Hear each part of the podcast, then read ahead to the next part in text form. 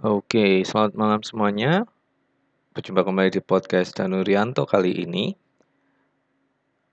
Kali ini di episode kali ini kita akan bahas sebuah topik yang lagi hot-hotnya di media sosial ataupun di jagat entertainment mengenai seorang aktor, aktor Korea yang namanya itu sedang naik daun memang. Apalagi sejak serialnya yang berjudul Startup itu banyak banget fans yang mulai melirik uh, si aktor ini. Saya nggak perlu sebut nama lah ya, sudah terlihat juga dari cover podcast ini. Kita sebut saja beliau ini aktor K. Oke, saya juga nggak akan jelaskan di podcast ini apa yang menjadi kasus dari aktor K ini karena pendengar sekalian bisa dengarkan sendiri di media sosial ataupun bisa lihat di YouTube sudah banyak sekali yang mengangkat cerita-cerita ataupun berita dari kasus aktor K ini. Um, saya mengangkat tema ini itu juga bukan karena untuk menjelek-jelekkan uh, aktor K ini. Siapa saya juga gitu loh ya. Podcast ini juga bukan untuk uh, menggiring opini supaya pendengar sekalian membenci aktor K, tidak. Uh, juga podcast ini tidak bertujuan untuk mencemarkan lebih lagi nama baik aktor K, tidak juga. Saya tidak akan menceritakan tentang kasusnya di sini, ya kan? Jadi tidak akan menambah kerunya masalah, misalkan seperti itu. Tapi podcast saya kali ini seperti biasanya kita akan membahas banyak sisi dari kejadian-kejadian sehari-hari, dari hal-hal yang populer saat ini, bagaimana melihatnya dari sisi prinsip kebenaran, life value. Jadi kita tidak akan menggali kasusnya dalam banget. Tapi ketika saya tadi, tadi saya jujur tahu berita ini tadi pagi begitu. Beberapa teman katanya sudah tahu ini dari hari Minggu karena kasusnya sudah merebaknya di hari Minggu. Oke dan lalu saya mulai cari-cari tahu infonya ada apa kayak gitu. Dan lumayan terkejut karena ternyata itu yang terjadi seperti itu. Aktor K ini tidak disangka, tidak diduga melakukan suatu hal yang ya mengecewakan para fans tentunya. Seperti kita tahu, dunia entertainment itu keras. Dan setahu saya, dunia entertainment di Korea khususnya itu lebih-lebih lagi kerasnya. Karena apa? Karena ketika seorang selebriti itu membuat skandal, skandalnya itu rentetannya panjang, efeknya itu panjang. Bukan hanya dalam waktu seminggu dua minggu loh, tapi bisa menghancurkan karir dari sang seleb itu sendiri. Banyak contohnya sudah terjadi. Cuma karena skandal dan itu terus berentet panjang, buntutnya panjang, akhirnya membuat popularitas dari si selebritis ini menurun. Terlepas dari film ataupun series yang dia bintangi itu bagus, ceritanya bagus, semuanya bagus, tapi karena sudah tercoreng nama baiknya, maka itu juga berakibat pada setiap film ataupun series yang dibintangi. Hal ini yang menjadi semacam tanda petik aib bagi industri hiburan di Korea misalkan.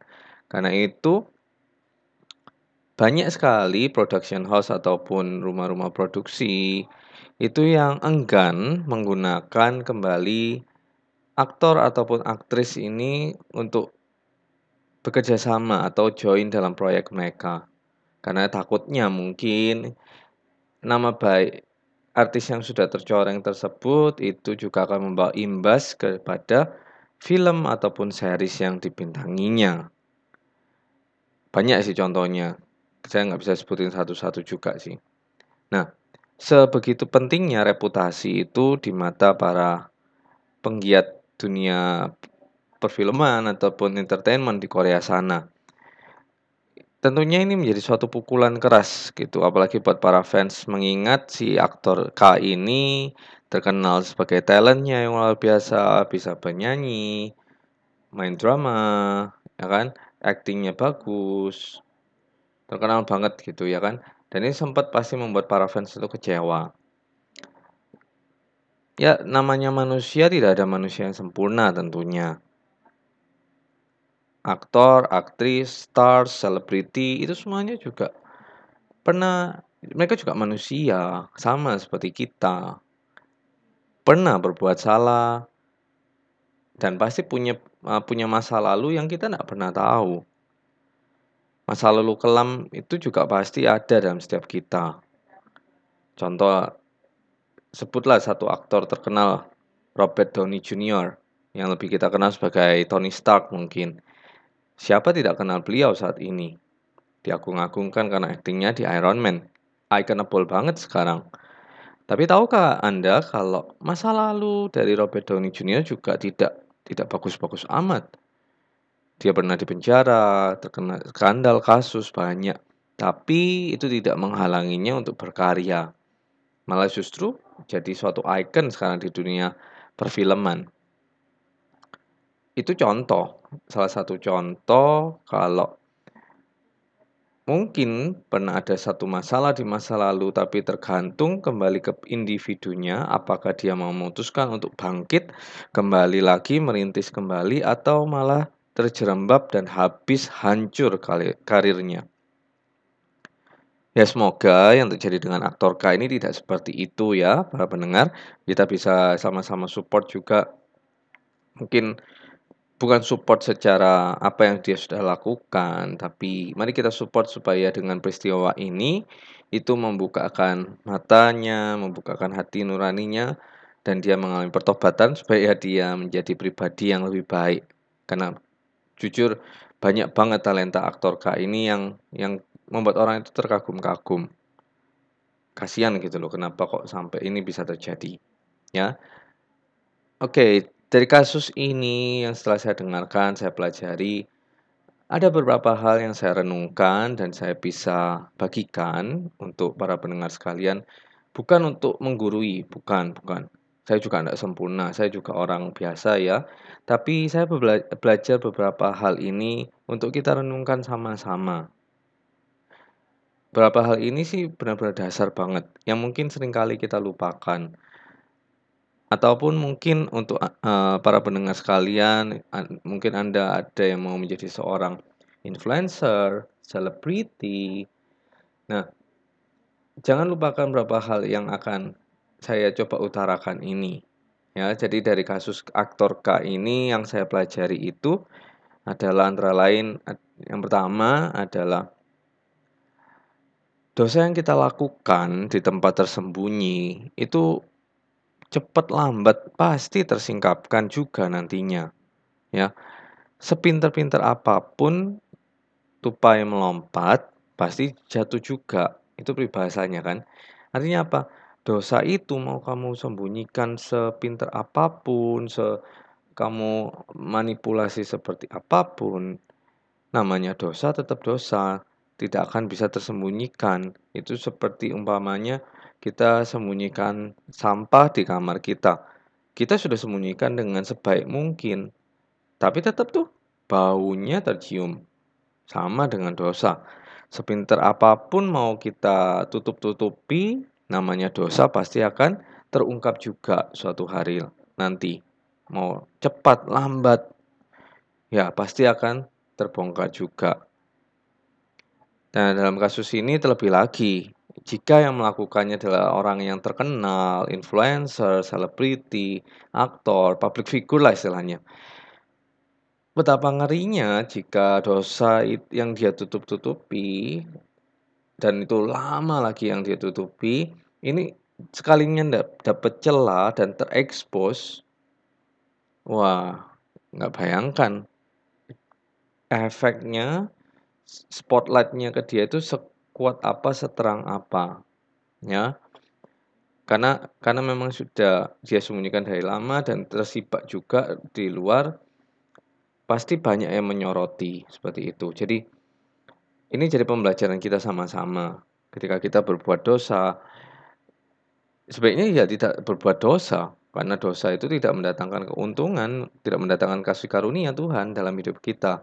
Dosa justru membuat kita terpuruk, bahkan dosa yang mendatangkan maut. Ya kan? Tapi kalaupun kita berbuat dosa, kita harus cepat-cepat datang minta ampun sama Tuhan. Karena kita yang tahu, kita hati kita tahu kita berdosa sama Tuhan. Dan kalaupun dosa kita itu terkait dengan orang lain dan sudah menyakiti orang lain, maka lebih baiknya jika kita cepat-cepat minta maaf ataupun segera mengganti rugi atas apa yang kita lakukan. Ketimbang kita menyimpannya sendiri, kita tidak melakukan apa pun, kita merasa it's okay dengan semuanya, tapi kita sendiri menyimpan itu.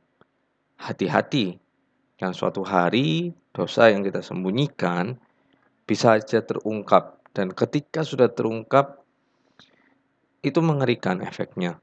Merusak reputasi, merusak nama baik yang kita sudah bangun sekian lama. Poin kedua yang saya pelajari dari kasus ini adalah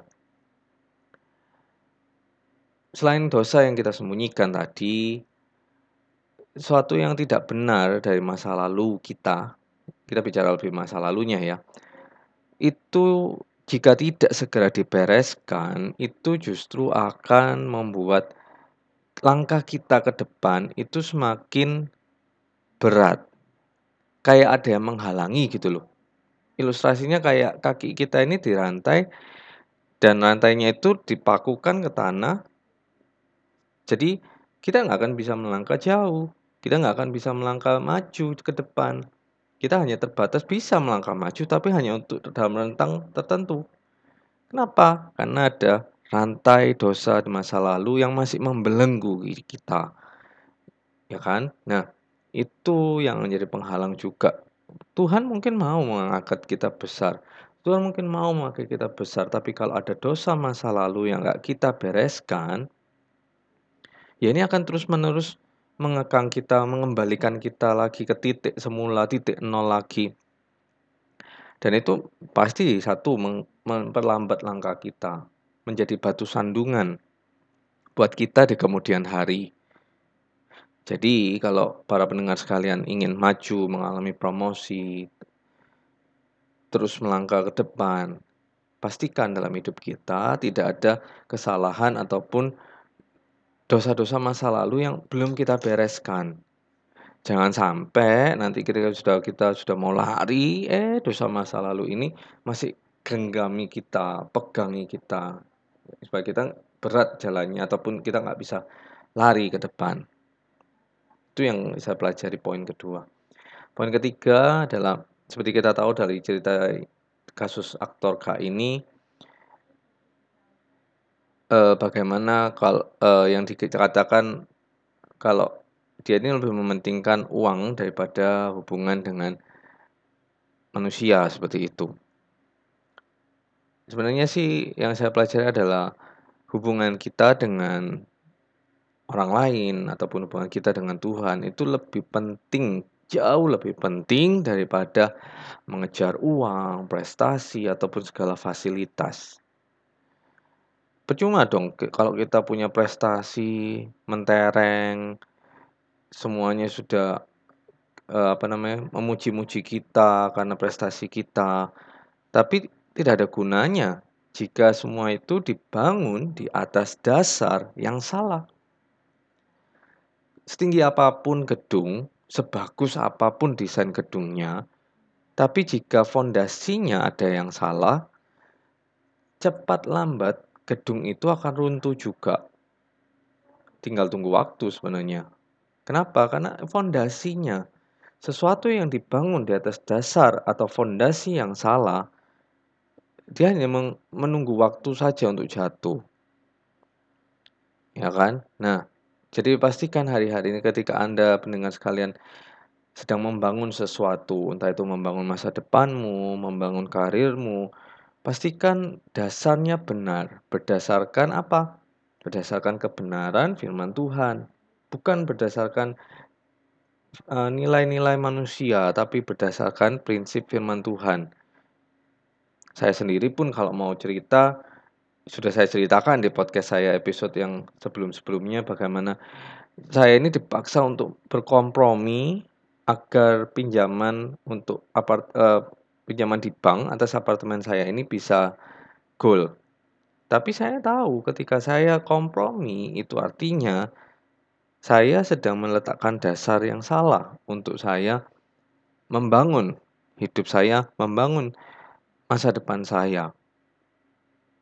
Bayangkan kalau saya kompromi waktu itu, mungkin kelihatannya semuanya fine, eee, dikasih goal, pembiayaan goal segala macam. Tapi kita nggak pernah tahu ketika bangunannya sudah tinggi, sudah jauh dibangun, apa yang akan terjadi? We never know. Karena saya tahu hari itu, oh saya harus bangun rumah tempat tinggal saya ini di atas dasar yang benar. Firman Tuhan bilang enggak, bohong itu nggak boleh. Ya udah, saya nggak akan lakukan itu. Saya akan berdiri teguh dalam kebenaran firman Tuhan. Jadi sama kembali lagi ke yang tadi. Ketika kita punya dasar yang salah, dasarnya apa adalah kasihlah sesamamu manusia seperti dirimu sendiri. Tapi kalau ketika kita sudah nggak bisa mengasihi seperti itu, artinya something wrong dengan foundationnya kita, dengan dasarnya kita. Jadi apa pun yang sedang Anda bangun hari-hari ini, pastikan dasarnya benar. Ya, bukan berdasarkan tentang materi, bukan berdasarkan demi penghidupan yang lebih bagus, tapi berdasarkan prinsip kebenaran firman Tuhan. Karena saya percaya ketika segala sesuatu dibangun atas dasar prinsip kebenaran firman Tuhan, dia akan bertahan kuat, tidak akan tergoyahkan oleh badai, halilintar sekalipun.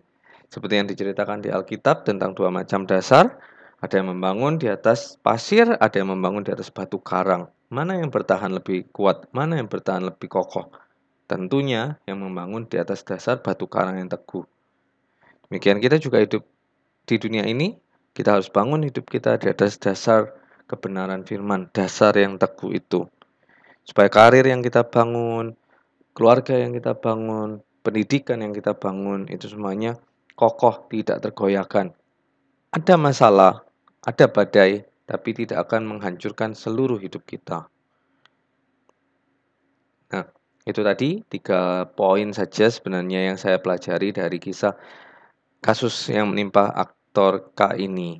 Memang sangat disayangkan melihat segala talentanya, prestasinya aktor K ini, dia harus tersandung seperti ini. Tapi yang saya salut dari aktor K ini adalah dia berani mengakui kesalahannya di depan publik. Memang ini adalah suatu hal yang memalukan untuk dia. Mungkin ini akan menghancurkan karirnya, tapi saya percaya satu hal, ini adalah jalan terbaik yang dia harus ambil. Mahal harganya untuk aktor K ini memang mahal banget, tapi saya lebih dukung orang yang dia salah, dia tahu dia salah, dia minta maaf, dia akui, dan dia akan mulai lagi. Ketimbang dia harus tutup-tutupi ini dan terus-menerus menghancurkan hidupnya sendiri. Better dia bayar harga mahal sekali di sini, disumpah serapai orang di sana sini sekarang ini, tapi dia benar-benar bisa merubah hidupnya.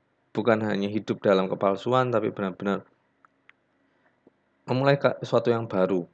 Bukan mustahil sih ketika dia benar-benar memulai segala sesuatu yang start from zero lagi, dan benar-benar hidup dalam kebenaran, misalkan memperbaiki segala sesuatu yang dia sudah lakukan, bukan uh, bukan tidak menutup kemungkinan Tuhan juga akan kembalikan apa yang apa yang hilang saat ini. Bukan hanya materi, tapi segala hal yang mungkin saat ini dia dia memang butuhkan seperti itu. Jadi itu tadi sedikit perenungan, sedikit uh, sharing Bukan untuk menggurui, bukan untuk mengajari siapa pun, bukan untuk menjelek-jelekkan juga, tapi sebagai perenungan kita bersama. Semoga podcast ini berguna untuk kita semua dan semoga kita menjadi pribadi yang lebih baik lagi untuk menyenangkan hati Tuhan dan bukan hanya untuk menyenangkan manusia. Terima kasih sudah mendengarkan podcast ini dan jangan lupa untuk follow eh, dan share kalau misalkan terberkati dengan podcast ini.